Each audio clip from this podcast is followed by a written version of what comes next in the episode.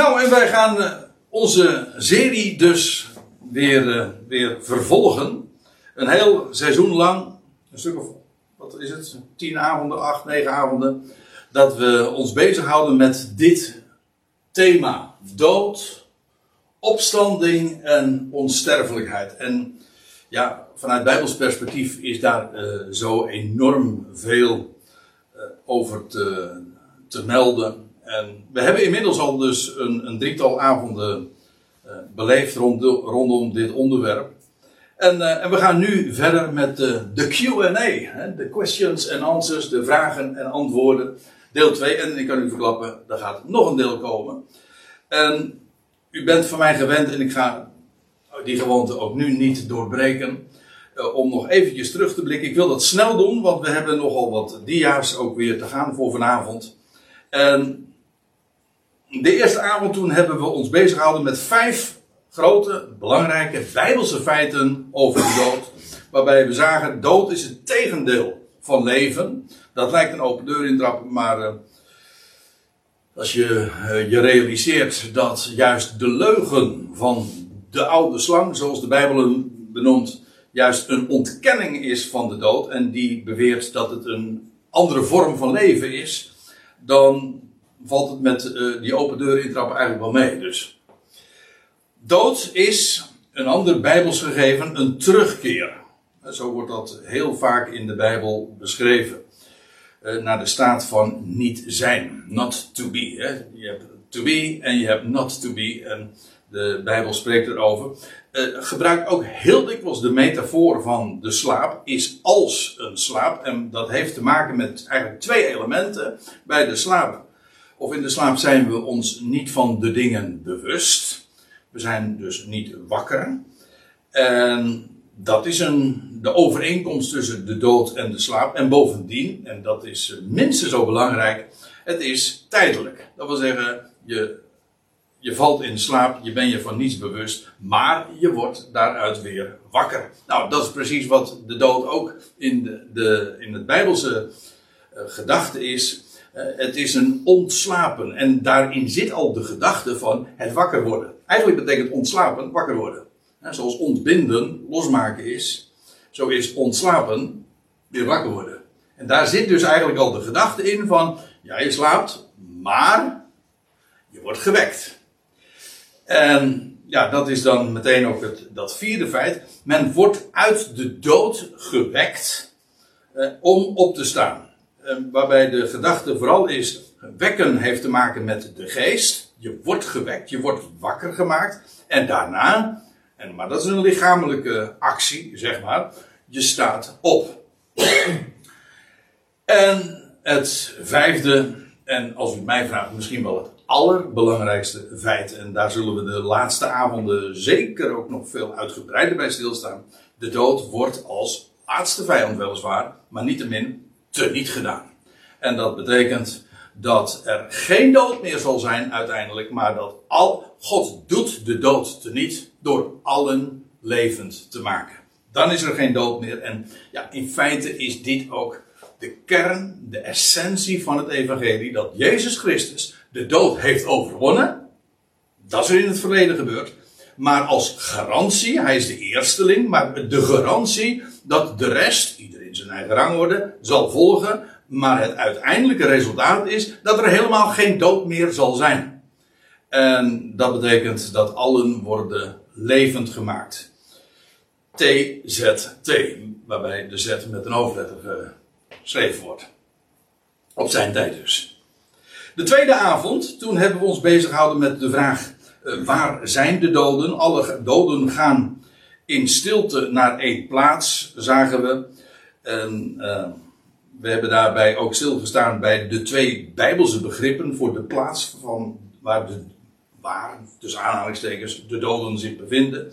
Namelijk Sheol en Hades, dat is respectievelijk Hebreeuws en Grieks. En dat wordt dan vertaald met het dodenrijk. Uh, wat, wat, als mijn vraag is, tamelijk arbitrair. Maar Sheol, dat, dat heeft te maken met uh, het Hebreeuwse woord voor vragen. En het idee daarbij is dat de Sheol de plaats is waar men niets weet. Vandaar dus dat vraagteken. En de Hades, of Hades, weet niet, uh, ik ben niet Grieks van, uh, van origine, dus ik weet niet precies hoe het met die accenten ligt. Maar uh, op zijn Nederlands zal ik maar zeggen, zoals ik dat dan uitspreek, betekent Hades betekent letterlijk onwaarneembaar. En dat is, de gedachte daarbij is, men neemt daar niets waar. Dat wil zeggen, er is geen kennis. De doden weten niets, zegt prediker. En bovendien zegt diezelfde prediker ook uh, dat er is geen kennis, er is geen overleg, er is geen werk in het dodenrijk, in de Sheol waarheen gij gaat. Um, die begrippen zijn trouwens identiek, Sheol en Hades, dat wil zeggen uh, in de Septuagint. Trouwens ook in het Nieuwe Testament worden die begrippen, uh, dat wil zeggen als het Oude Testament het woord Sheol gebruikt, en het Oude Testament wordt aangehaald in het Griekse Nieuwe Testament, dan wordt dat weergegeven met Hades. Zodat die begrippen dus uh, inderdaad identiek zijn. Uh, we hebben ons ook nog bezig gehouden met die tekst in Lucas 23, waar, uh, waar de Heer Jezus tegen de moordenaars, tegen de moordenaar aan het kruis dus die belofte doet. En daarbij niet zegt, zoals heel de gebruikelijke versie is van, ik zeg u, heden zult u met mij in het paradijs zijn. Maar hij zegt: Ik zeg u heden, u zult met mij in het paradijs zijn. En eh, dan zie je maar weer hoe een komma een enorm verschil in betekenis kan geven.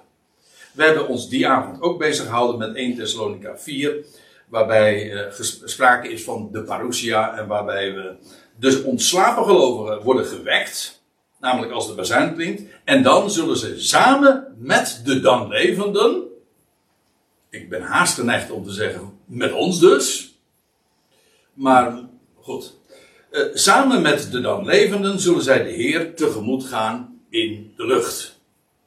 Dus niet allemaal één voor één naar de Heer toe gaan. Nee, allemaal tegelijk. Uh, en in, uh, in één moment zal dat allemaal gebeuren. Samen met, uh, hoe staat het er? Tegelijkertijd en samen. Ja. Nou, de vorige avond, dat was in uh, eind november. Dat toen hebben we de eerste QA gehad. En die QA gaat eigenlijk iedere keer. Uh, dat is vanavond ook weer het geval. En de volgende avond ook. Ik doe dat nogal uitgebreid, omdat daar nogal wat vragen en ook tegenwerpingen zijn. Over, de, over dat wat ik naar voren heb gebracht over de dood, maar ook over de toestand. Wat ik altijd een beetje een leuk woord vind, maar uh, de toestand van de doden. Toestand klinkt altijd zo van wat een toestand, hè? uh, maar dat valt bij de doden wel mee, want daar is juist rust. Uh, de toestand der doden wil zeggen, ehm, daar is rust, geen bewustzijn. Maar goed, van, waar dan die QA, van waar oh, die, die vragen. Er zijn nogal wat vragen, ook tegenwerpingen. Uh, tegen uh, deze voorstelling van zaken. En waarbij men zegt van ja, maar er is een toestand tussen sterven en opstanding. De tussentoestand, zo noemt men dat dan ook wel. Of het, meestal noemt men dan dat het, het hiernamaals. Hè. Als men sterft, dan gaat hij naar het hiernamaals. Uh, daar zijn ook allerlei voorstellingen van. Maar in ieder geval allemaal met de gedachte dat er een, een bewuste toestand is tussen sterven en opstanding. Wel, dat, dat is wat ik in, in deze avonden naar voren breng. Dat kent de schrift niet. Maar uh, eerlijk is eerlijk, er zijn wel wat vragen die daarover te stellen zijn. En dat hebben we de vorige avond toen ook gedaan. Toen hebben we een drietal schriftplaatsen besproken. 2 Korinthe 5. Uh, waar, waar Paulus voorstelt dat dit lichaam een tent is en dat uh, ontkleed wordt. Dat wil zeggen bij het sterven, dan wordt het kleed afgelegd of de tent wordt afgebroken. En, maar er is ook de situatie van het overkleed worden. En dat, het, en dat wil zeggen dat, uh, in, uh, dat het lichaam getransformeerd wordt. Dus uh, op het moment dat de, als de bazuin zal klinken en, en wij in dit sterfelijke lichaam ons bevinden, dan zullen wij, uh, dat is niet 1 Thessalonica 4, maar 1 Korinthe 15, dan zullen wij uh, veranderd worden in een punt destijds en getransformeerd worden om dit lichaam wordt veranderd naar het lichaam van zijn heerlijkheid. Uh, dit, ook dat gedeelte, daar ben ik toen wat dieper op ingegaan. Uh, wordt nog wel eens een keertje aangehaald van. Uh, dat wij uh, niet in dit lichaam, of in, dat wij in het lichaam uitwonen bij de Heer. En dat legt men dan uit van dat wij, ehm, nou in de zin dus van een, van hiernamaals. Goed, dat was 2 Korinthe 5. Uh, Filippenzen 1, dat is die tekst waar sprake is van, waar Paulus zegt van dat, dat te leven voor hem Christus is en te sterven is winst. En daar, dat wordt dan aangehaald met de gedachte dat uh, men bij het sterven, dus eigenlijk bevorderd wordt tot heerlijkheid, uh, voorafgaand aan de opstanding. Maar dat, sterven, die, dat sterven is geen winst. Voor, dat, zo legt Paulus dat ook niet uit in 1 Korinthe, in Filippenzen 1. Maar dat is winst voor hem. Natuurlijk, je kunt altijd zeggen, misschien is dat goed om dat toch bij deze nog eventjes te benadrukken. In de praktijk is deze kwestie voor de betrokken overledenen uh, geen, geen, maakt geen verschil. Ik bedoel, een mens ontslaapt. En het eerstvolgende bewuste moment voor die persoon is in de opstanding. En of, of daar op aarde nou duizend jaar of zesduizend jaar nog uh, tussen ligt, doet uh, daarbij totaal niet ter zake. Iemand die sterft is uit de tijd. En dus er is geen tijd tussen sterven en opstanding voor de overledene. Dus in die zin zou je ook zelfs nog, uh, heb ik er niet eens moeite mee met de gedachte dat, op, dat het sterven inderdaad ook winst is. Want het eerstvolgende moment, na het dichtdoen van je ogen, is dat je hem in heerlijkheid zal zien. Dat is waar. Maar dat is geen toestand tussen sterven en opstanding. En uh, diezelfde, uh, in diezelfde schriftplaats is ook sprake van ontbonden worden. En daar doelt Paulus op de losmaking van dit vernederd lichaam. En uh, vooral uitgebreid zijn we, nog, hebben, zijn we ingegaan op Lucas 16. Waar de, die beroemde gelijkenis. Het wordt niet zo genoemd, dat is waar.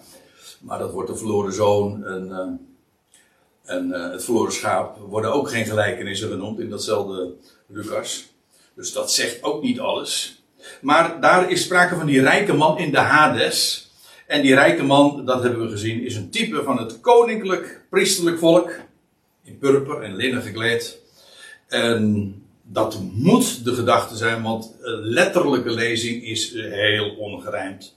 Sowieso al, als hij zijn ogen opslaat in de Hades. Dat is, uh, dat kan helemaal niet eens. Dat is zoiets als uh, zeggen als droog water. Of vuur zien branden. Nee, nee, vuur. Uh, water zien branden. Ja, dat was het. Ja. Water zien branden, dat, dat kan natuurlijk ook niet. Uh, ogen opslaan in de Hades, dat is een innerlijke, dat, is een, dat noemen ze een contradictio in terminus. Dat wil zeggen een innerlijke tegenstrijdigheid. Je ogen opslaan in, de, in het, je ogen opslaan in het onwaarneembare. Dat kan helemaal niet letterlijk. Als dat dus zo gebezigd wordt, dan heeft dat een figuurlijke betekenis. Blijkt uit allerlei andere dingen ook. Eh, want hoe zou men pijn kunnen hebben terwijl men geen lichaam heeft? Want dat is wat men zegt. Het is nog voorafgaand aan, het nieuwe, aan, aan, de, aan de opstanding. En men heeft dan nog geen lichaam. Maar hoe kan men dan pijn hebben? En uh, hoe uh, de ongerijmdheid van uitzicht op. Maar ook communicatie tussen de plaats van pijniging en, uh, en Abrahams schoot. En, en, uh, en met een enkele druppel water. Zo, de hele manier van spreken is onmiskenbaar figuurlijk en heeft een, een, een, de boodschap van Israël dat momenteel in het dodenrijk is. Dat wil zeggen, in de pijniging, Israël als natie als twee dagen in de dood. En de opstanding uit de doden.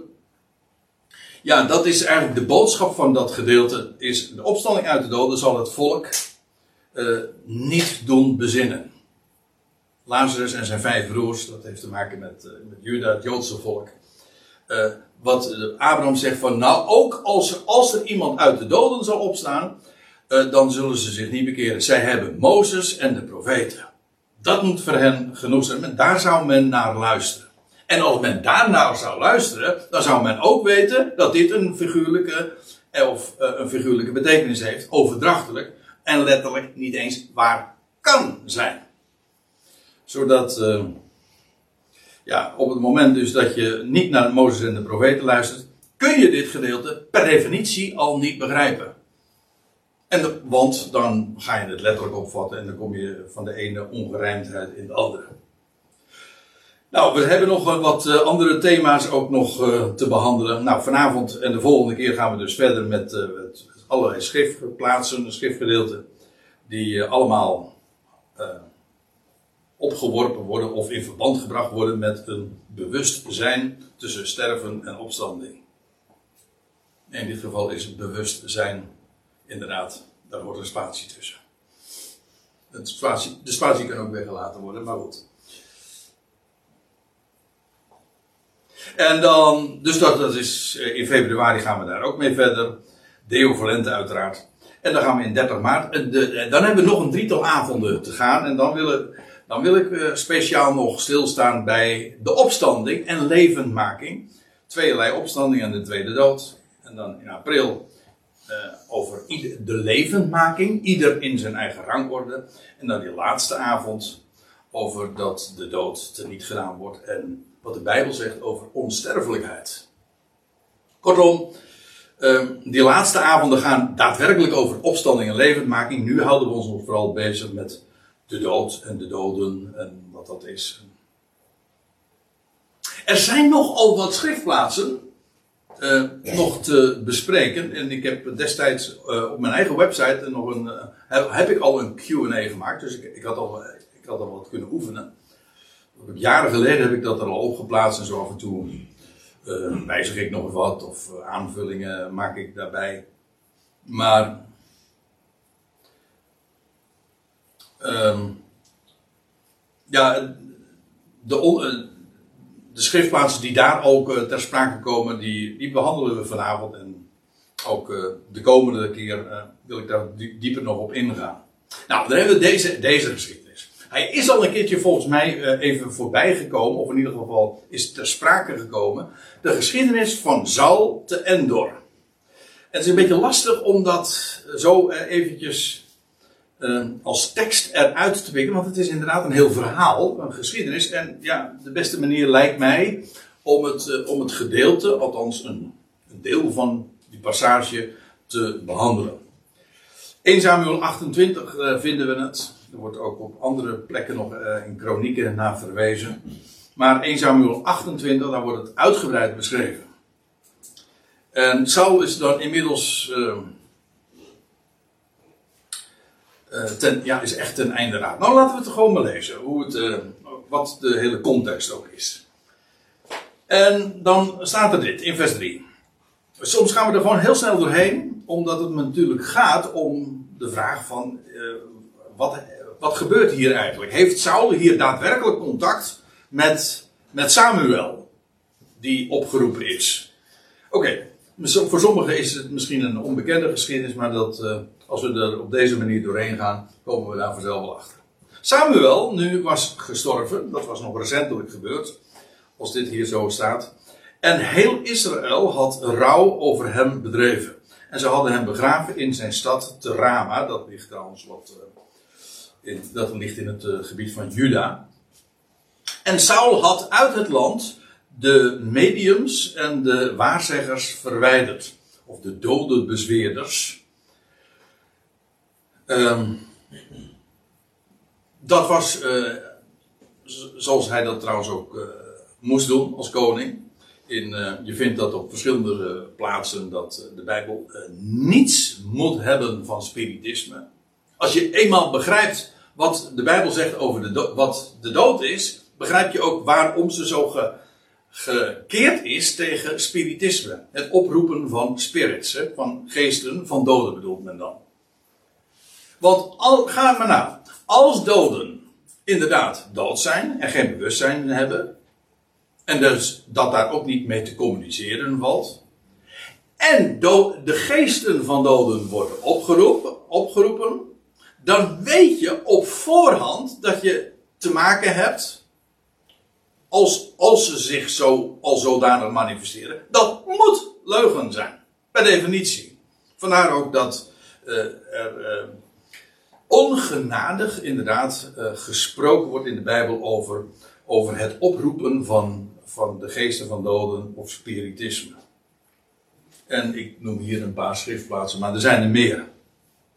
Saul had uit, moet je nagaan, Saul had eerder uit het land de mediums, dus de dode bezweerders, en de waarzeggers verwijderd. Een medium, zo, dat is een beetje dat is het woord wat wij daarvoor gebruiken. Wij spreken meestal over media, dat is meervoud. Maar een, me een, medium betekent eigenlijk gewoon een middel.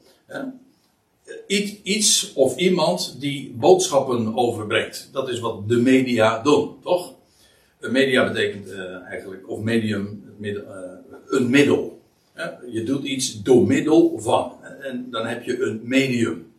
Waar dat, daarvan, uh, dat daarvoor wordt gebruikt. En bij een medium, in de zin van in, in de spiritistische betekenis van het woord, daarmee doelt men op iemand of iets, ik kom er straks nog even op terug, die boodschappen van overledenen overbrengt.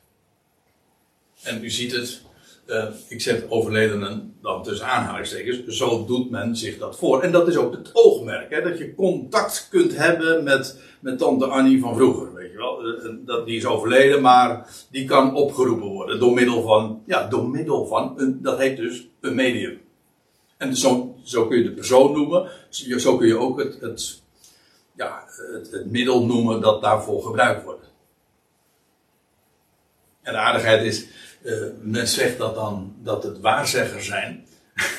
dat is eigenlijk ook een komisch woord in dit verband, want het zijn juist leugensprekers. Maar omdat ze claimen de waarheid te spreken, uh, worden ze zo genoemd. Dus ze worden eigenlijk alleen maar zo genoemd omdat ze zich zo, omdat ze dit claimen. Maar dat geldt voor spiritisten ook.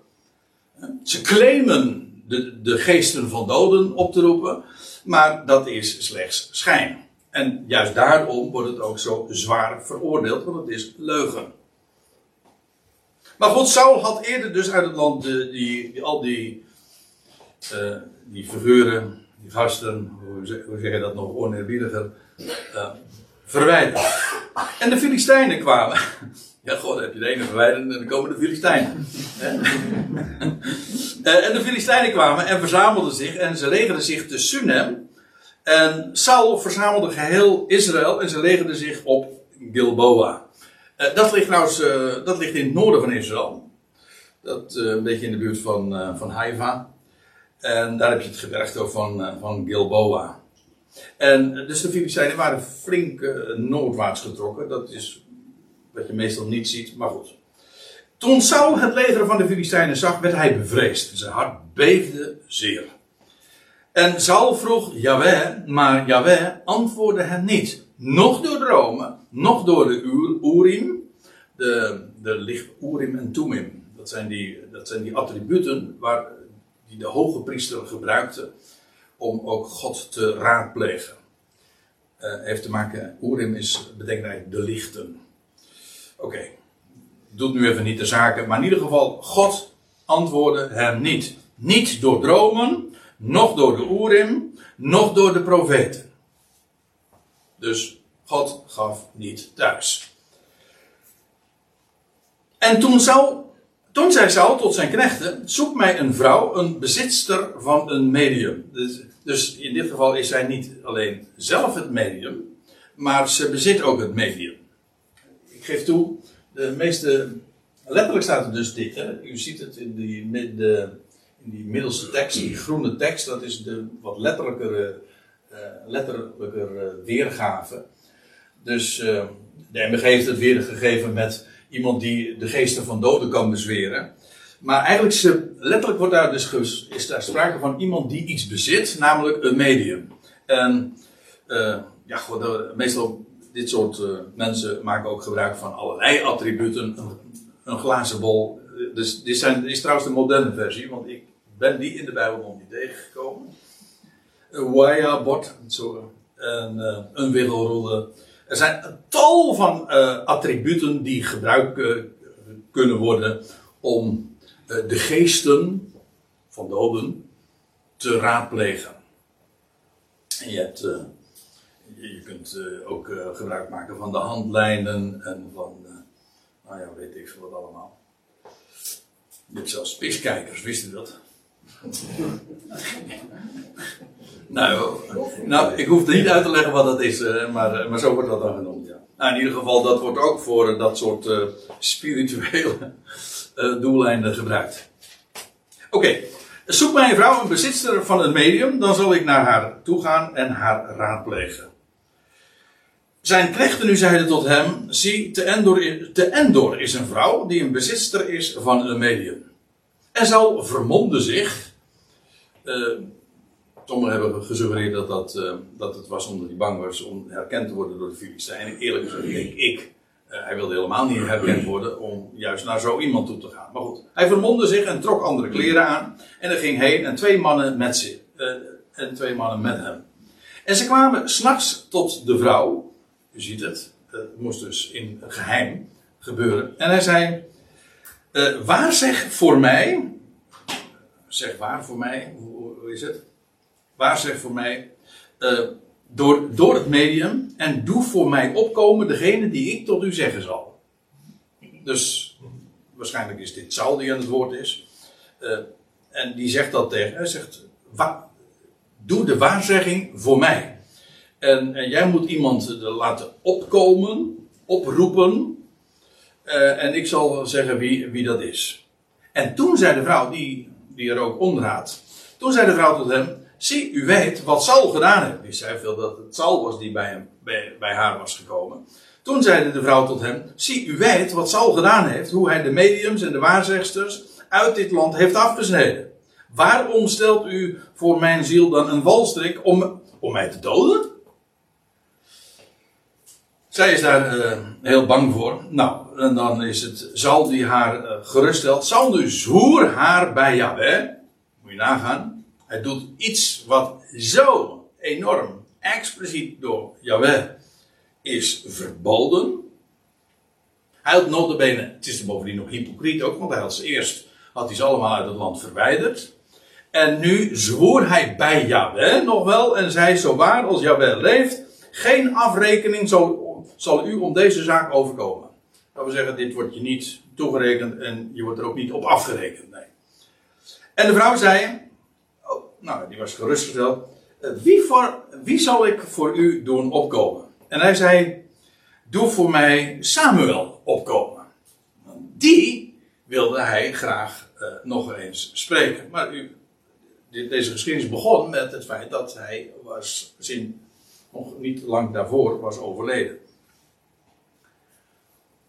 en begraven. En hij zei: Doe voor mij Samuel opkomen.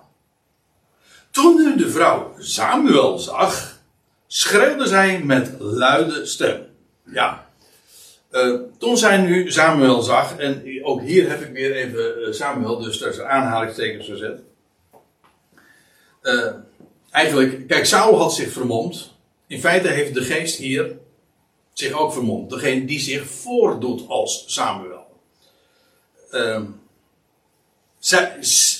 de verschijning die, uh, die, uh, die de vrouw ziet, zag, ze zag Samuel en ze schreeuwde met luide stem en de vrouw sprak tot Saul en zei, waarom hebt u mij bedrogen? U bent Saul. Dit is trouwens wel opmerkelijk. Uh, zij schrikt dus niet omdat ze Samuel zozeer ziet, maar ze is schrikt omdat ze ineens het complot uh, herkent. En dat, wil zeggen, ze, denkt van, hé, hey, ik ben erin geluisterd. Dit is Sal. Hoe ze die uh, connectie gelegd heeft, weet ik niet. Maar in ieder geval, doordat zij... Sa zij zag Samuel. En ze schreeuwde met luid stem. En, en vervolgens is haar reactie, waarom hebt u mij bedrogen? Dus dat was de, de schrik bij deze vrouw. Dus, dus niet zozeer Samuel, uh, of wat daarvoor doorging, maar de aanwezigheid van Saul zelf. En de koning zei tot haar: Vrees niet. Maar, uh, maar wat ziet u? En toen zei de vrouw tot Saul: Ik zie goden uit de aarde opkomen. Uh, ja, het is een beetje het is eigenaardig, want hier staat in het Hebreeuws het, het woord wat normaal gesproken altijd vertaald wordt met God. Elohim. Dus, alleen het punt is, in dit geval, Elohim, is, eh, dat is een heel eigenaardig fenomeen. Het is, uh, het is een aanduiding van God, maar het is een meervoudig woord. Die uitgang met im is een mannelijk meervoud. En hoe zit dat? Nou kent het Hebreeuws daar wel meer voorbeelden van. Uh, bijvoorbeeld water in het Hebreeuws is per definitie ook meervoud. Mayim, zeggen ze in Amsterdam dan. Mayim. En Shamayim. Nou is dat nog weer iets anders. Want ik denk inderdaad dat er meerdere hemelen zijn. Uh, Jeruzalem. Jeruzalem, ja. Maar uh, in dat, bij God, uh, kijk, als het bijvoorbeeld staat van en God zeide er zijn licht, dan is er staat en, en Elohim zei niet. Dat is heel eigenaardig, want bij normaal gesproken, bij een, een, een woord dat met een, in meervoud is, dan hoort een, als je dat in, met het werkwoord vervoegt, krijg je ook een meervoud. Dan zeg je dus, en goden zeiden. Maar dat staat, als het gaat over God in Genesis 1 bijvoorbeeld, en God zei er zijn licht, dan staat er, en Elohim zei, enkelvoud, er zijn licht. Dus dan blijkt, eh, God inderdaad is een meervoudig begrip. Waarom? Ja, eh, eh, God is, heeft vele facetten en kanten en zo. Ik, heb, geen, ik heb geen enkel probleem met, dat, met die gedachte. Maar in dit geval is dit uh, inderdaad een meervoud. Niet, hier niet alleen hoor, er zijn wel meer voorbeelden. Omdat het namelijk het meervoud, of pardon, het werkwoord opkomen ook weer een meervoud is. Opgaan, ook weer de, de. Dat is, de, dat is ook een meervoud. Dat zou je niet verwachten als, uh, als het inderdaad hier over God zou gaan. Nou, ik bedoel eigenlijk dit te zeggen. Uh, als, als, al hier staat, ik zie goden uit de aarde opkomen. Uh, zij ziet dus goddelijke wezens. Er staat er trouwens in de NBG-vertaling. Ja, er staat, uh, ik zie een bovennatuurlijk wezen. Nou, eigenlijk wezens. HSV, een goddelijk wezen. Een goddelijk wezen, ja. ja. en de staatvertaling trouwens? Ja, dat weet ik niet met dat. God, hè? Dat klopt natuurlijk niet met het werkwoord. Nee, het klopt niet met het werkwoord. Het is een meervoud, ja. Dus, uh, nou ja, hoe dan ook. Uh, er staat hier inderdaad, dat is wat zij ziet. Want uh, toen zij Samuel zag, stond in het voorgaande vers, dat wil zeggen, zoals dat later zal duidelijk wordt, dat zij in ieder geval de, een verschijning ziet die aan hem doet denken. En vandaar dat het zo genoemd wordt. En hier zegt ze, ik, want op de vraag van Saul van, wat ziet u? Dan zegt zij, ik zie goden uit de aarde opkomen. En dan vervolgens, dat is eigenlijk weer eigenaar van, dat wordt dan weer in het enkelvoud. En hij zei tot haar, hoe is zijn gedaante? En zij, en zij zei, er komt een oude man op en hij is gehuld in een mantel. En toen begreep Saul dat het Samuel was. Dat wil zeggen, Saul. kijk, zij ziet het. En zij vertelt het als een waar medium. Ze geeft het gewoon door. Dat is wat ik waarneem. En, en, en Saul herkent in de beschrijving Saul. Uh, Samuel, sorry. Toen begreep Saul dat het Samuel was en boog zijn hoofd. En zo staat het letterlijk. Zo boog zijn hoofd en neus ter aarde en wierp zich neer. Ja, dus uh, Saul uh, ging, er, ging er wel van uit dat hij hier dus inderdaad te maken heeft met Samuel. Of het inderdaad Samuel was, ja, dat is heel. Ik, ik uh, ben er nog eens ingedoken heb eh, bijvoorbeeld, ik heb zelfs nog, uh, nog wat breder zeg, of wat verder uit, uit het raam gekeken. En toen kwam ik erachter dat bijvoorbeeld Joodse uitleggers, die gaan er meestal van uit dat in dit geval deze vrouw gewoon bedroog. En zelfs, zelfs Luther en Calvijn, moet je nagaan, dat is heel interessant. Uh, de, Luther en Calvijn, die geloofden in een tussentoestand. Dus wel dat er dat je in principe dus, ja, als het een tussentoestand is, zouden die eh, mensen, zouden die geesten van doden ook opgeroepen kunnen worden. Maar zelfs zij gaan ervan uit dat dit een demon, een demon is geweest die zich zo voordeed. En de eigenaardigheid is dat in deze hele passage daar verder niet op gewezen wordt. Het, het enige wat beschreven wordt is, eh, het is iemand die zich in ieder geval zo voordoet en de vrouw leeft in de veronderstelling van dat het hem, hij, dat het hem is. En, en zal ook. Niet dat het een uh, daadwerkelijk is. Toen Saul begreep dat het Samuel was. Dat was hij kende, hij, hij, wist niet beter of hij herkende Samuel daarin. En Samuel, weer, en Samuel sprak tot Saul: Waarom stoort u mij en doet u mij opkomen? En Saul zei: Ik ben zeer benauwd, want de Filistijnen strijden tegen mij. En God is van mij geweken. En antwoordt mij niet meer. Nog door de hand van de profeten, nog door dromen. En daarom heb ik u geroepen, omdat u mij zou doen weten wat ik doen zal. Saul spreekt inderdaad, middels deze vrouw, eh, want zo wordt er dan gecommuniceerd. De geest die hier zich voordoet, Samuel, communiceert met Saul. En via die vrouw dan. En, uh, en, en, en Saul geeft gewoon antwoord. Ja, ik, ik wil weten wat. Hij dwingt als het ware Samuel. Ja, ik doe iedere keer zo. Voor de MP3-luisteraars later is dat een beetje lastig, want die zien niet dat ik nu uh, zo doe met aanhalingstekens uh, uitbeeld. maar zo, zogenaamd aan Samuel. Um, dan ben ik de zin kwijt. Maar ja, hoe dan ook. Uh, Saul is ten einde raad.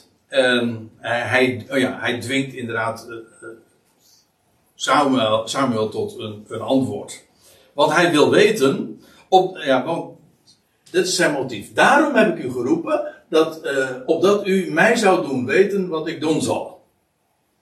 Maar Samuel zei, Waarom raadpleegt u mij? Ja, is van u geweken. En stelt zich tegen u op. Ja, nou, dit is een, ook een wat lastige kwestie. De Statenvertaling in de NBG zegt, uh, is uw vijand geworden. Stelt zich, van, maar uh, de, al heb je de Septuagint die vertaalt dit, is uw naaste geworden. Het idee is, uh, hij wordt aangesproken, dat wil zeggen, uh, Saul wordt aangesproken, maar Yahweh antwoordt niet. Maar stelt zich tegen Saul nu op. En hij antwoordt niet. Oh, is een diaatje uitgevallen. Ja, maar uh, hij antwoordt Saul niet, maar hij zegt hem zijn ondergang aan. Kijk, Saul wilde weten wat, uh, wat hem te doen stond. Maar God antwoordt helemaal niet. Zijn ondergang, zijn dood, en eh, zijn ondergang op de bergen van Gilboa was al aangezegd. Dat was onafwendbaar. Dat was, dat was al uh, ook gezegd. En uh, hij kon hoog springen, kon laag springen. Jawel antwoordde niet. En nu stelde God zich op tegen Saul. En hij gebruikt, notabene, ik bedoel, God kan een, een, een ezel gebruiken. Hij, hij kon een Biliam gebruiken. En hij, hij, hij, nam zijn mond en, en, en, zij, uh, en gebruikte die mond om, uh, om het goddelijke te zeggen. En in dit geval is het God zelf die notabene de, zelfs de geest van een dode kan aanwenden hè, en tegen Saul uh, het uitspreekt wat hem zal overkomen. Want uh, als, we gaan nu niet verder, want wat Samuel vervolgens nog uh, aanzegt, is wat er de dag daarna zou gaan gebeuren. Namelijk dat hij inderdaad zou omkomen. God gebruikt een ezel, een Biliam, maar hij gebruikt ook een geest die helemaal niet opgeroepen mocht worden, en die leugens uh, uitspreekt, maar zelfs een leugengeest kan hij uit, kan hij gebruiken om in dit geval zal uh, de ondergang aan te zeggen. Dat, hij antwoordt, God antwoordt niet, maar hij gebruikt wel deze geest om, om dit te communiceren. Niet wat Saul wenste, maar wel wat hij te horen moest krijgen. Dus ja, wat is de identiteit van deze. Dat, dat is de afgrond natuurlijk. dat moet de conclusie dan worden. Wat is de identiteit van deze Samuel? We weten het niet. Is het een. Eh, is het een. Uh, een bedrog van, de vrouw, van die vrouw van Endor? Van die spiritisten? Of is het inderdaad, heeft zij een geest opgeroepen die zich voordeed als Samuel? Dat, dat zou ik zeggen. Ze heeft gewoon een, een, een boze geest, een demon opgeroepen, zoals dat in principe met uh, spiritisme altijd gaat. Uh, bij spiritisme worden geesten van doden opgeroepen en die doen zich voor als overledenen, maar zijn het niet. Kan daardoor uh, zo'n geest, zo'n spiritistische seance, daarin geen waarheid eruit gesproken worden? Ja, dat kan wel en, en dat bewijst dit, deze geschiedenis wel. God kan zelfs van een seance, die hij zo nadrukkelijk verboden heeft, zijn waarheid doorgeven. Zelfs via zo'n leugenachtige praktijk. En voor de rest uh, weet ik eigenlijk uh, niks over deze, Samuel, over deze uh, Samuel, behalve dan dat het niet Samuel is geweest. ja.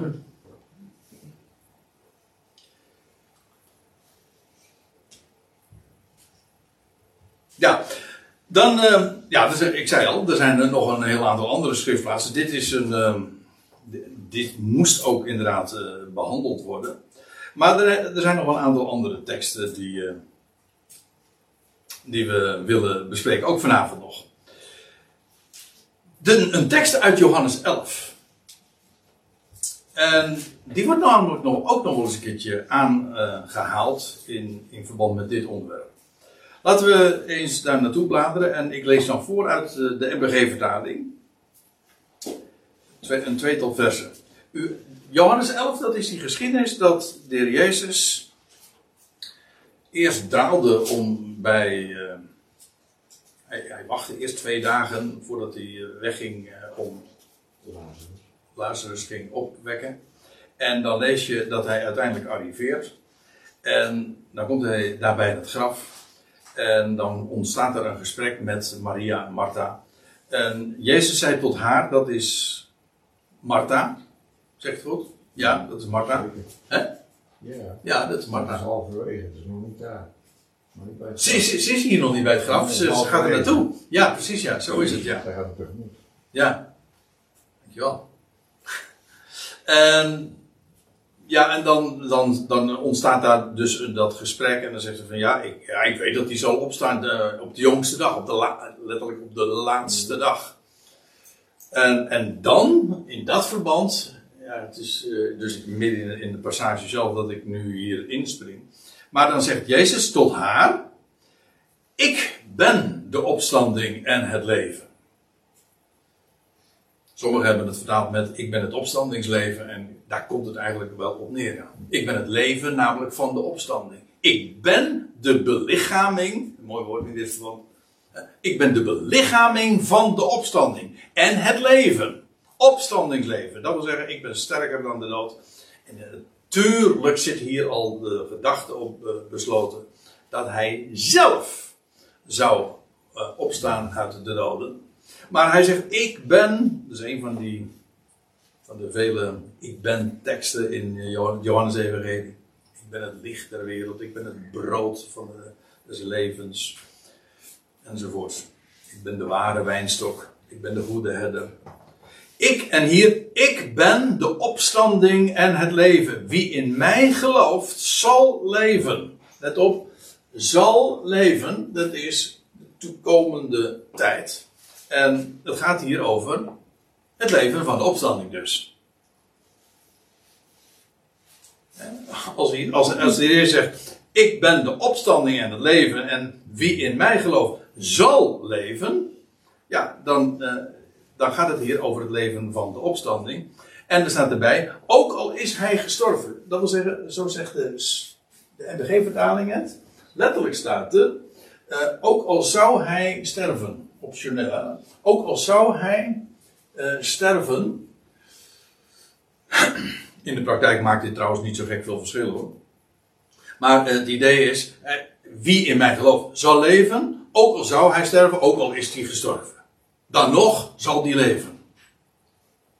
En dan vervolgens, en dat is met name dan uh, dat gedeelte waar, waar dat dan aan ontleend wordt. En een ieder die leeft en in mij gelooft, zal in eeuwigheid niet sterven. Gelooft gij dat, Marta? En dan uh, antwoordt ze daarop bevestigend. Maar het gaat mij eventjes, uh, het gaat natuurlijk om deze, om deze frase. Want wat men hieruit uh, altijd opmaakt, of wat men hier normaal gesproken uit opmaakt, mede ook door de foute vertaling trouwens, is, uh, ja, wie in mij gelooft, wie in mij gelooft, zal in eeuwigheid niet sterven. Ja, zo, dat, dat maken ze niet alleen het op. In feite is dat wat ook in de vertaling staat. Maar hoe kan dat als juist in het voorgaande vers stond van wie in mij gelooft zal leven, ook al is hij gestorven? Hoe kan er dan hier staan en ieder die leeft en in mij gelooft, zal in eeuwigheid niet sterven? Dat, uh, wat is de gedachte uh, daarachter? De logica. En, maar ook hier, we hebben er al uh, vaker bij stilgestaan. Trouwens, vorig seizoen zijn we er zelfs uitgebreid op ingegaan. Over dat woord wat hier gebruikt wordt. Er is hier helemaal geen sprake van eeuwigheid, maar van aion. Wie in mij gelooft, zal in de aion niet sterven. Maar dat geeft een heel andere gedachte. Dat wil zeggen, wie in mij gelooft, zal leven, namelijk worden opgewekt. Hij zal opstaan, ook al is hij nu gestorven.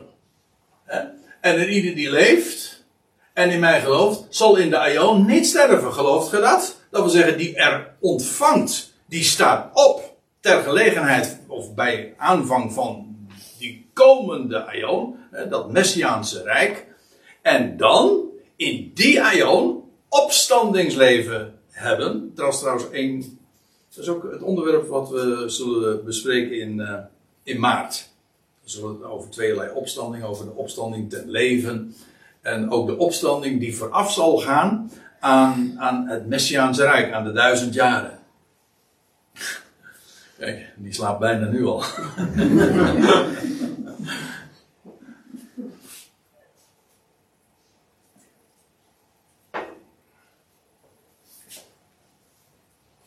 Dus uh, waar de Heer Jezus hier naar verwijst, is naar opstanding. En degene die gelooft, zal voorafgaand aan de duizend jaren opstaan en uh, het leven van die toekomende Aion beërven. En die Aion ook niet doodgaan. Die ontvangt inderdaad uh, het, dat, ja, dat leven. Dat is trouwens ook, zo wordt het in, in Lucas 18 ook genoemd. Uh, die zal opstaan in de voor de toekomende Aion. En dan het Ionische, het eeuwige leven beërven. Het eeuwige leven, dat is het leven van die toekomende eeuw. En in die eeuw niet sterven. Nee, want uh, je ontvangt dan leven. En uh, we komen daar. Uh, nee, later vanavond trouwens ook nog even over te spreken. als we het hebben over openbaring 6. Want in feite, waar de Heer Jezus hier naar verwijst, laat ik al even een aanzetje mogen geven. Waar de Heer Jezus hier naar verwijst, in feite, of aan refereert, is de, de profetie ook van het boek Daniel, aan het einde van Daniel 12, waar gezegd wordt dat uh, tegen Daniel van ga heen en je zal rusten. En dan staat erbij tot de laatste, tot de laatste dag. En dan wordt er van verschillende periodes ge, gesproken over 1260 dagen, ook 1290 dagen. En, dan staat er, en wie zalig, gelukkig is degene, dat staat dan in het laatste vers, eh, die wacht tot de, tot de 1335 dagen. Dat is 75 dagen na het einde van de grote verdrukking. En dan, dan zullen Israëls heiligen, onder andere Daniel, opstaan. Ik kom er straks nog even op terug. En dat is die laatste dag. Dat is die, die 1335ste dag. Ik geef toe, als ik dat zo eventjes uh, in, een, uh, in een minuutje vertel, dan kan ik me voorstellen dat je hier even over struikelt. Uh, maar kijk het maar eens na in Daniel 12 daar wordt het zelfs in de, de dagen worden daar benoemd en genummerd. Hè? En, en, over. Uh, Ten slotte nog die periode van 1335 dagen. En dan zal de opstanding plaatsvinden. Van Israëls heiligen. En dat zal vlak voorafgaan aan, de, aan, de, aan de, dat Messiaanse Rijk. Dat wereldwijd dan zal aanbreken. En in die aion zal men niet sterven. En voor wie is dat weggelegd? Voor iedereen? Nee, voor degene die gelooft gelovige Israëlieten, die zullen. Israël zal dan ook een koninkrijk van priesters zijn. En God zal dat volk, inclusief de opgestane heiligen, gebruiken tot een kanaal van zegen voor de volkerenwereld. En, uh, en dat, is, dat zijn de zegeningen van die Aion. En, hier uh, verwijst de Heer Jezus daarnaar. Dus het idee is niet van. Uh, mensen zeggen, ja, je, je sterft helemaal niet. Je sterft wel. De heer zegt van, zelfs als al ben, ook al ben je gestorven, je zal opstaan. Want ik ben de opstanding en het leven. En in de aion zul je niet sterven. Dus dit is geen ontkenning van uh, de dood. Helemaal niet. Het is uh, juist een bevestiging daarvan. Ook al ben je gestorven, dan nog zal je leven. Dat is geen enkel probleem. God wekt de doden namelijk op. Ja, nou, uh, ik zie dat het inmiddels uh, bijna 9 uur is. Dus ik stel voor dat we nu even eerst gaan pauzeren. Dan gaan we straks nog naar Lucas 20. Zo, wij gaan weer verder met, met de bespreking van die Bijbelgedeelten. Um, ja, in de pauze hoorde ik ook weer hele mooie dingen. Onder andere. Ja, nee, dat bedoel ik nog niet eens. Wat jij vertelde, Marije. Nee, dat geeft niet. maar uh, hoe, hoe, geweldig het is om ook de, om, om, zicht op deze dingen te hebben.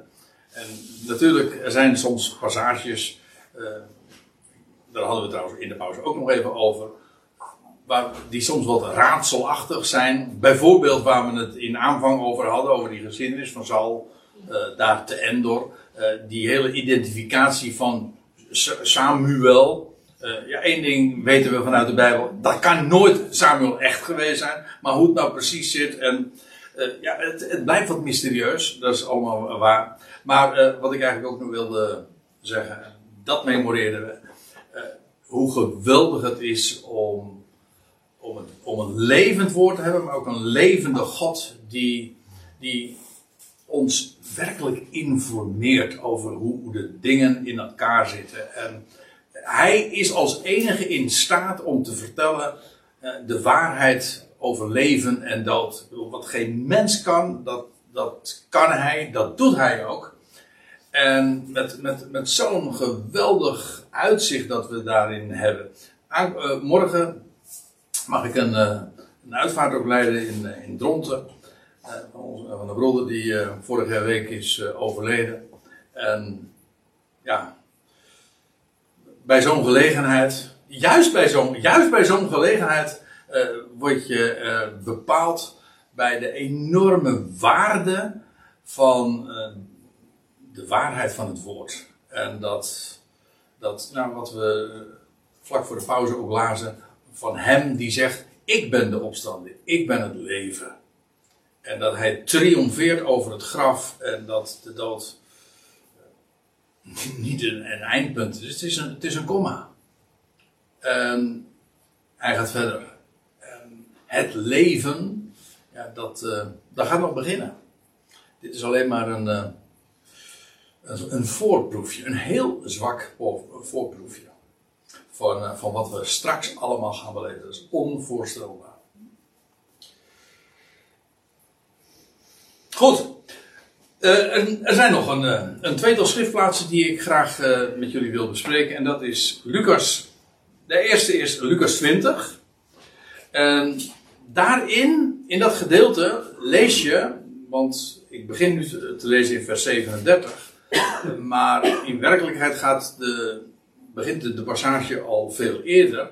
En waarin, waarbij de Heer Jezus in gesprek is. Of zal ik zeggen, in discussie is, in debat is met de Sadduceeën. En van de Sadduceeën weten wij, en vermeldt de schrift ook, dat doet trouwens Lucas, eh, eh, hier in dit, in dit be- bewuste gedeelte ook eh, nog, dat hij zegt van, ja, de Sadduceeën, dat zijn mensen, dat is die richting in het Jodendom, die ontkent dat er zoiets bestaat als engelen, maar ook eh, die de opstanding logenen.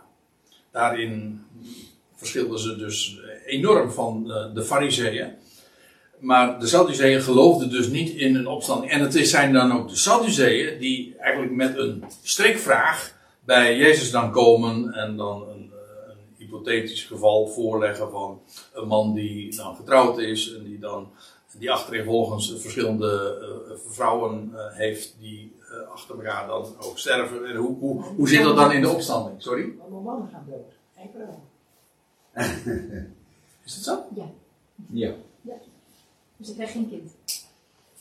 Dat was het. Ja, dat is het. Zwaarhuwelijk. Ja. Ze Huh? een Deze ja, sterft kinderloos. Ja. Ja. Ja. Nou, nou, ik zeg ja, dat is ook zo. Hoe red ik me hieruit? Ja, dat deed ik, zei ik even met opzet. Dat zei ik met opzet. Ja, ja, ja. Kijk als ze wakker Ja, waren. goh. ja, ja, precies. Over leugengeesten gesproken. Eh, ja. Eh, maar, en dan zegt de Heer Jezus trouwens, eh, jullie dwalen. En, want jullie kennen de schriften niet, noch de kracht Gods.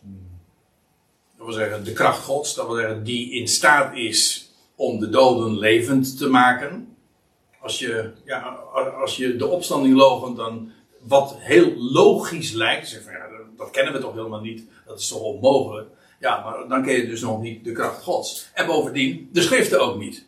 Nou, in dat, in dat dispuut, zal ik maar zeggen, eh, dan zegt de Heer Jezus dit vervolgens. En ik haal weer eventjes, of ik lees weer even uit de NBG-vertaling, vers 37. Maar dat de doden opgewekt worden, zegt hij dus tegen die Sadduceeën, heeft ook Mozes bij de braamstruik aangeduid, waar hij de Heere noemt de God van Abraham, en de God van Isaac, en de God van Jacob.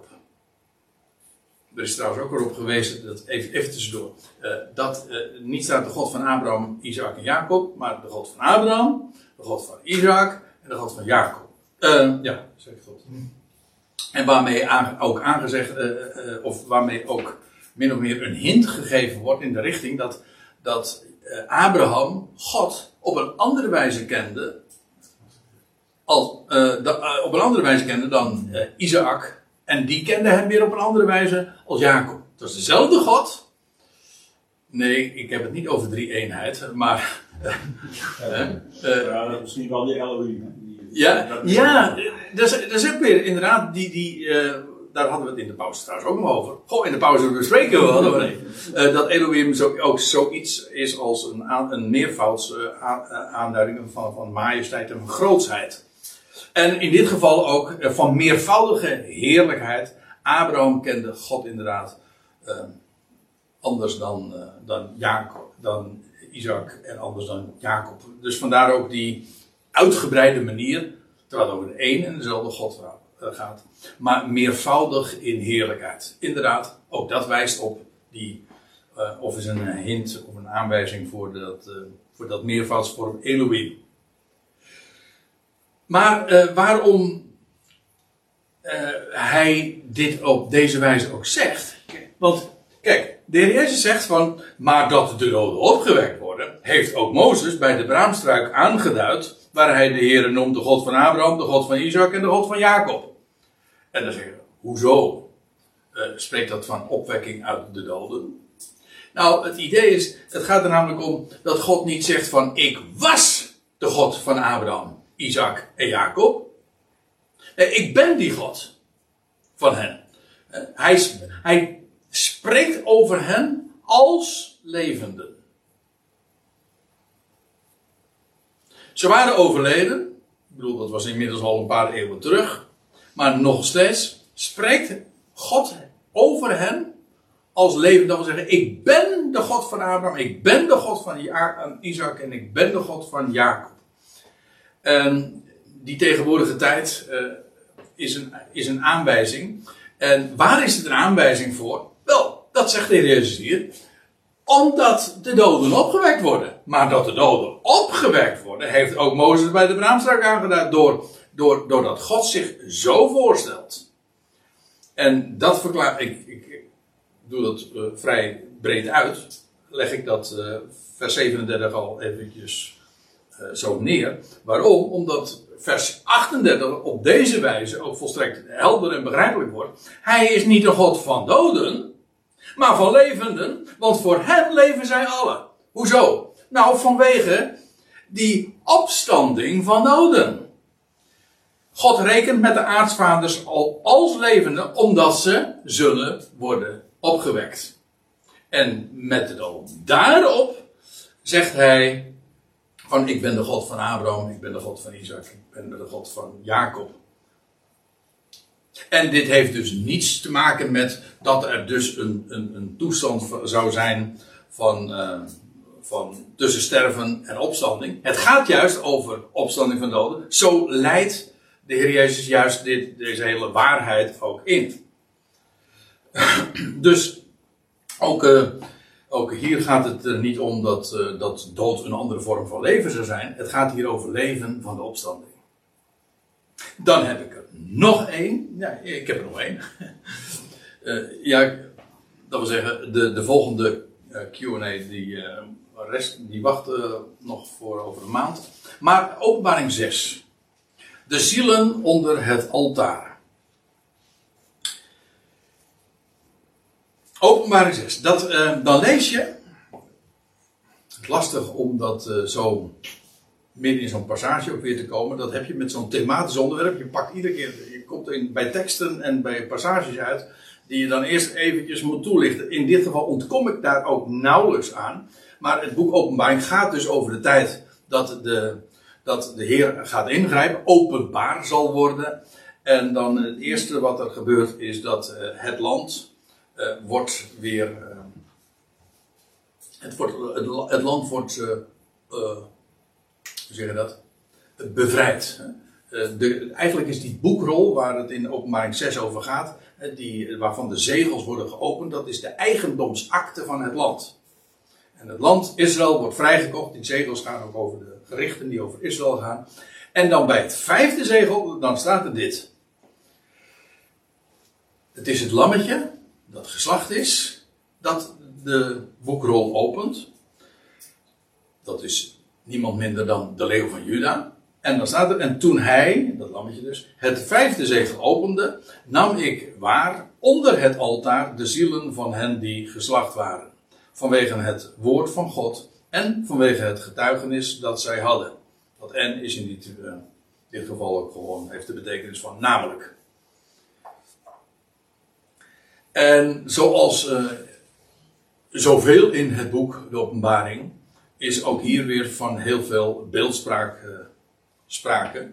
Want eh, ja, sowieso, die hele die boekrol en dat lammetje dat die, dat die zegels opent, dat is beeldspraak, dat is duidelijk. Maar neem niet weg, het, is, het gaat om een realiteit die beschreven wordt. Weliswaar in beeldende taal, met metaforen en dergelijke, maar niettemin. eh eh, het gaat een, om een concrete werkelijkheid. Eh, wat hij zegt, wat hij ziet, wat Johannes ziet, hij zegt: Ik nam waar onder het altaar de zielen van hen die geslacht waren. Wat neem je normaal gesproken waar onder een altaar? Onder in dit geval het brandofferaltaar. Ja, dat, ja op het altaar wordt er geslachtofferd. En wat daaronder is, ja, daar bevindt zich bloed. Maar in dit geval, en dat is eh, opmerkelijk, maar in de Bijbelse symboliek en, de Bijbelse metafoor volstrekt logisch, eh, is bloed een aanduiding van ziel. Hè? Dat, die twee worden zelfs aan elkaar, eh, al, al, niet alleen in Leviticus 17, daar, lees je, ik heb, daar staat er van, de ziel van alle vlees is in het bloed. Dat is karakteristiek voor de ziel, voor de nefesh. Voor de, ja, voor de, in het Grieks zeggen ze dan psyche, maar het Hebreeuws is nefesh. Maar de, de ziel is juist in het bloed. En daar, en dat, staat er ook voor mij, en ik heb het u op het altaar gegeven. En als hier zielen gezien worden onder het altaar, dan is dat eh, normaal gesproken onder een altaar bevindt eh, zijn eh, is bloed. En in dit geval, er zijn hier zielen geslacht. Ik nam de, de zielen waar van hen die geslacht waren. Vanwege, waarom? Wel, ze waren, ze hadden het leven gelaten. Ze waren geslachtofferd. Het waren met recht slachtoffers. Vanwege het woord van God. En vanwege het getuigenis dat zij hadden. Het gaat hier trouwens over de tijd van de grote verdrukking. Dit is trouwens het vijfde zegel. En daarna krijg je, ja ja, het zesde zegel. En het zesde zegel, wat gebeurt er dan? Dan gaat eh, de hemel open. En dan lees je dat de, de teken van de, eh, de zon en de maan die verduisteren. Dat is het moment dat de, de, de Ben-Adam zal verschijnen voor Israël. Dat is bij het zesde zegel. Vandaar ook dat je bij, eh, dan krijg je vervolgens na openbaring 6, openbaring 7, inderdaad. En dan, wordt, en dan worden, dan worden de scharen uit, uit, de- alle- uit alle volkeren en, en naties en talen worden verzameld. Israël wordt uit de volkeren verzameld. En uit Israël vindt een selectie plaats van, uit alle twaalf stammen, van, van de 144.000. En dat is allemaal na, na de verzameling van Israël. En, dat, en die verzameling van Israël vindt plaats nadat de Heer eh, verschenen zal zijn en de tekenen van zon en, en, de, de zon en de maan en, eh, zal, eh, zal verduisteren. Dat is karakteristiek voor dat moment dat hij zijn voeten zal zetten op de olijfberg. Ook Zacharia spreekt erover. Dat het dan duisternis zal zijn ten tijde van de avond. Zal het licht wezen. Maar in ieder geval, die, eh, die tekenen vinden plaats. Dat is het zesde zegel. Waarom zeg ik dat nu? Wel omdat dit namelijk direct eraan vooraf gaat. Het vijfde zegel. En dat is de tijd van die grote verdrukking. en, en met name dan ook in het land. En er zullen er velen dan in die tijd in het Joodse land omkomen. Er zal een deel een veilig onderkomen hebben gevonden. Het is, het is een uitgebreid onderwerp, ik weet het. Maar een deel van eh, het volk zal tijdig een veilig onderkomen hebben gevonden in de woestijn, in het zuiden, in Bosra. Ik denk Petra. En daar zal de kudde verzameld worden. Bosra betekent trouwens ook schaapskooi. En daar zal, de, daar, daar zal, daar zal eh, een, een veilig onderkomen zijn. Eh, daar zal de vrouw 1260 dagen bewaard worden. En, maar degenen die niet tijdig gevlucht zijn, ja, die zullen een enorme zware tijd in het land hebben. Ondervinden. Als de, als de, de gruwel van de verwoesting zal, als, de, als de, die, de, de tempeldienst zal worden afgeschaft. Hij moet nu nog beginnen, dat weet ik. Maar die zal, eh, als die zal beginnen, zal die ook weer worden afgeschaft. Er zal een afgodsbeeld worden geplaatst. En vanaf dat moment begint de grote verdrukking. En, wie, als, dan zegt de Heer Jezus ook: Maak dat je wegkomt. Ga naar de woestijn. En, en, ehm, en degenen die tijdig gevlucht zijn, die zullen inderdaad gedurende de, die 1260 dagen, 3,5 jaar, veilig in de woestijn zijn. Maar degenen die niet tijdig gevlucht zijn, zullen een eh, afschuwelijke tijd ook ondervinden. En, en eh, door het getuigenis van die twee getuigen in, eh, in, eh, in Jeruzalem, zullen er velen ook tot bekering komen. Maar dat zal een zware tijd zijn. En velen zullen dus vanwege het woord van God en het getuigenis dat ze hadden, dat ze hadden omkomen. Zo groot is die verdrukking. En nou, wat, wat Johannes hier ziet, is de vele slachtoffers. Hij ziet, hij ziet die zielen, hij ziet, ja, hij ziet eh, dat bloed. En dan staat er, eh, en zij schreeuwden, ik lees verder in vers 10, en zij schreeuwden met luide stem, of zij riepen met luide stem, maar in beide gevallen krijg je toch echt een geschreeuw te horen. En ze zeiden, tot hoe lang, heilige en waarachtige heerser, oordeelt u niet en verschaft u geen recht van ons, van ons bloed aan degenen die op de aarde wonen. Alleen dit al, hè. Eh, ze schreeuwden met luister. Kijk, waarom ik het natuurlijk aanhaal, is, eh, lijkt mij evident. Dit zou je kunnen aanhalen als een aanwijzing dat, als je dit le- letterlijk zou lezen, dat die zielen dus, ze zijn geslachtofferd. En ze bevinden zich onder het altaar. Maar zij schreeuwen. Hé, hey, maar dat betekent dus dat zij, dat zij communiceren, of dat zij roepen, of dat ze bidden. Maar dat kan, hoe kan dat dan? Als de doden niets weten. Dat is de vraag. Dus. Vandaar ook dat ik hem nu behandel in deze QA.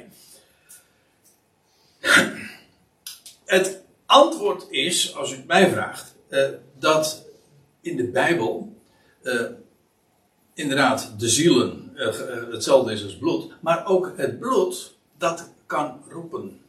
Dat, dat weten wij.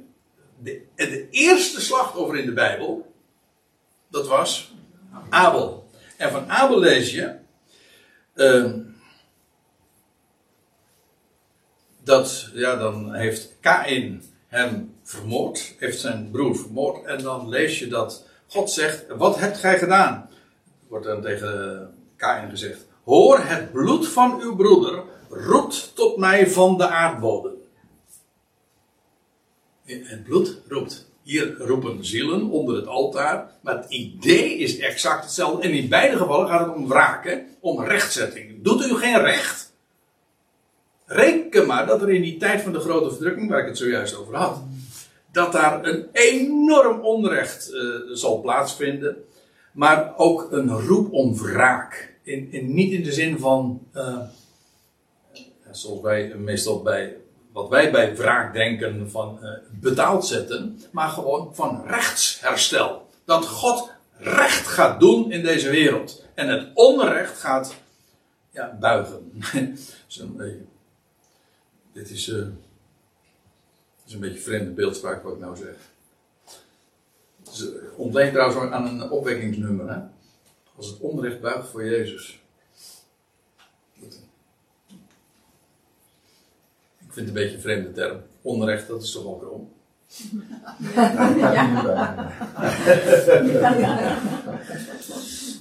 Maar goed. Eh, u, begrijpt, wat ik bedoel. Hier, dat, hier eh, is het net als bij ooit bij Abel. Het bloed roept om. Dat roept om eh, rechtzetting. Trouwens, in Hebreeën 12 is er ook sprake. Het bloed, het bloed van besprenging dat krachtiger spreekt dan Abel. Dus ook het bloed van Abel spreekt. Daar gaat een sprake van uit. Kijk, het probleem eh, in de zin van, eh, van de onsterfelijke ziel of van het, hierna, idee van een hiernamaals doet zich alleen maar voor als je dit letterlijk leest. Maar het gaat hier natuurlijk niet letterlijk over zielen onder een altaar. Het gaat over bloed dat roept om wraak, om rechtzetting. En zoals dat ooit concreet ook het geval was eh, nou, in die geschiedenis van Abel. En het bloed van uw broeder, broeder roept. En hier is de gedachte ook. Tot hoe lang heilige en waarachtige heerser oordeelt u niet en verschaft u geen recht van ons bloed aan degenen die op de aarde wonen. En aan elk van hen werd een wit ge- gewaad gegeven. Dat is een lijkwade. Wit, ja. Hoezo wit, denkt u?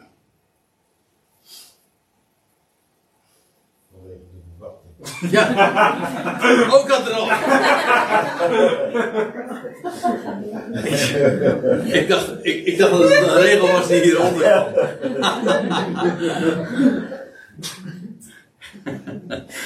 ja, ja, dat is een goeie, Jan. Ja, Je kan hem zelf kunnen bedenken. Ja, en, eh, wit, eh, inderdaad, vanwege de. Vanwege die ver- verwachting. En wa- waarom? Daar staat ook bij. En aan elk van hen werd een wit eh, gewaad gegeven. En tot hen gesproken dat ze nog een kleine tijd zouden rusten. Kijk, en hier, hier wordt, eh, loopt beeldtaal en de werkelijkheid gewoon natuurlijk direct door elkaar of parallel, zo u wilt. In dit geval, het gaat hier over slachtoffers. En wanneer wordt dat bloed, wanneer wordt hen recht gedaan? Wel, het is nog even wachten. Dat ze nog een kleine tijd zouden rusten. Wat ook heel logisch is. Want weet u nog dat we het erover hadden voor de pauze? Dat weet je ongetwijfeld nog wel. Eh, dat eh, over die profetie van Daniel, over die 1260 dagen, maar dan nog 75 dagen later zal Daniel en de heiligen van het volk, de rechtvaardigen van het volk, de tzaddiks, de tzaddikim, zullen opstaan. En eh, dat wil zeggen uit de stof der aarde ontsla- eh, wakker worden en inderdaad opstaan. En tot die tijd moeten ze rusten. Dat is nog maar een korte tijd. Een heel korte tijd dat zij nog eh, zouden rusten. En ondertussen wachten zij. En hoezo ook wachten? Wel, het is A, een korte tijd. En er staat erbij, tot ook het getal compleet zou zijn van hun medeslaven en hun broeders. Die op het punt staan gedood te worden, evenals zij. Dus het is, het is nog niet zover, maar nog slechts korte tijd. En dan zal, eh, kort na dat zesde zegel, zullen eh, zij opstaan en hen recht worden gedaan. Dus, ja, ook in dit geval is hier, eh, is sprake dus van bloed dat roept.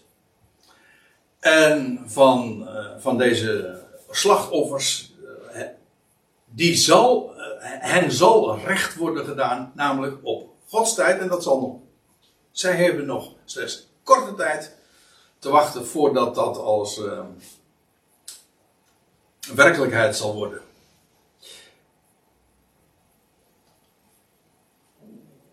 Ja, nou had ik toch inderdaad hier nog eh, die verwijzing. Dan ziet u meteen, dan kunt u eh, meteen zien waar eh, het schriftgedeelte waar ik in dit verband ook naar verwijs. Heel interessant. We gaan daar, ik zei al, we komen daar in maart nog op terug. Maar het loutere feit dat het heel specifiek zo benoemd wordt. Hè. Er, wordt er worden periodes genoemd van 1260, ik zei al al, en 1290 en ook van die 1335 dagen. En dan staat er, ehm, ik lees het even voor, Daniel 12. En vanaf de tijd dat het voortdurende offer wordt weggenomen en een verwoestende gruwel wordt gesteld. Aha, dat is die gruwel van de verwoesting. Daarvan, dat zegt de Heer Jezus al, waarvan de profeet Daniel heeft gesproken. Wie het leest, geef het erachter op. Vanaf dat moment zijn het nog 1290 dagen. Hé, hey, dat is 1290 dagen, dat is nog 30 dagen later dus.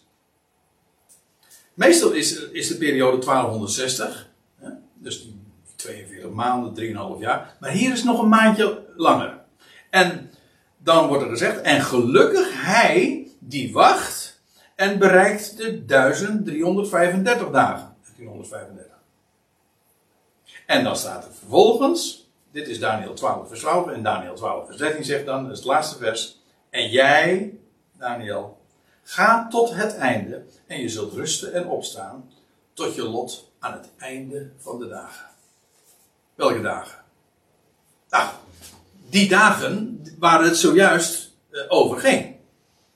En Daniel, eh, tegen Daniel wordt gezegd, eh, je zult rusten en je zult, op, je zult opstaan en je lot eh, ontvangen aan het einde van de dagen. Dus van die 1335 dagen. Dat is, dat is de laatste dag.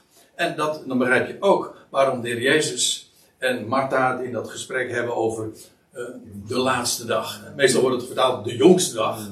En daar zitten dan weer heel andere gedachten nog weer aan vast.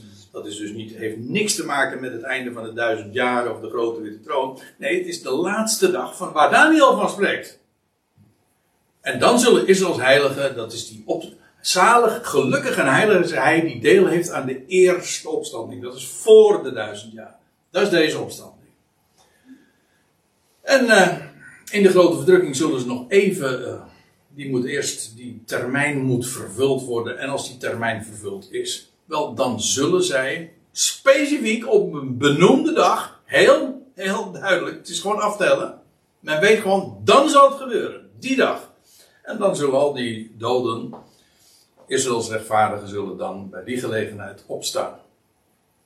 Maar dan moet ook het, eh, en dan ook is het getal compleet van hun medeslaven en hun broeders.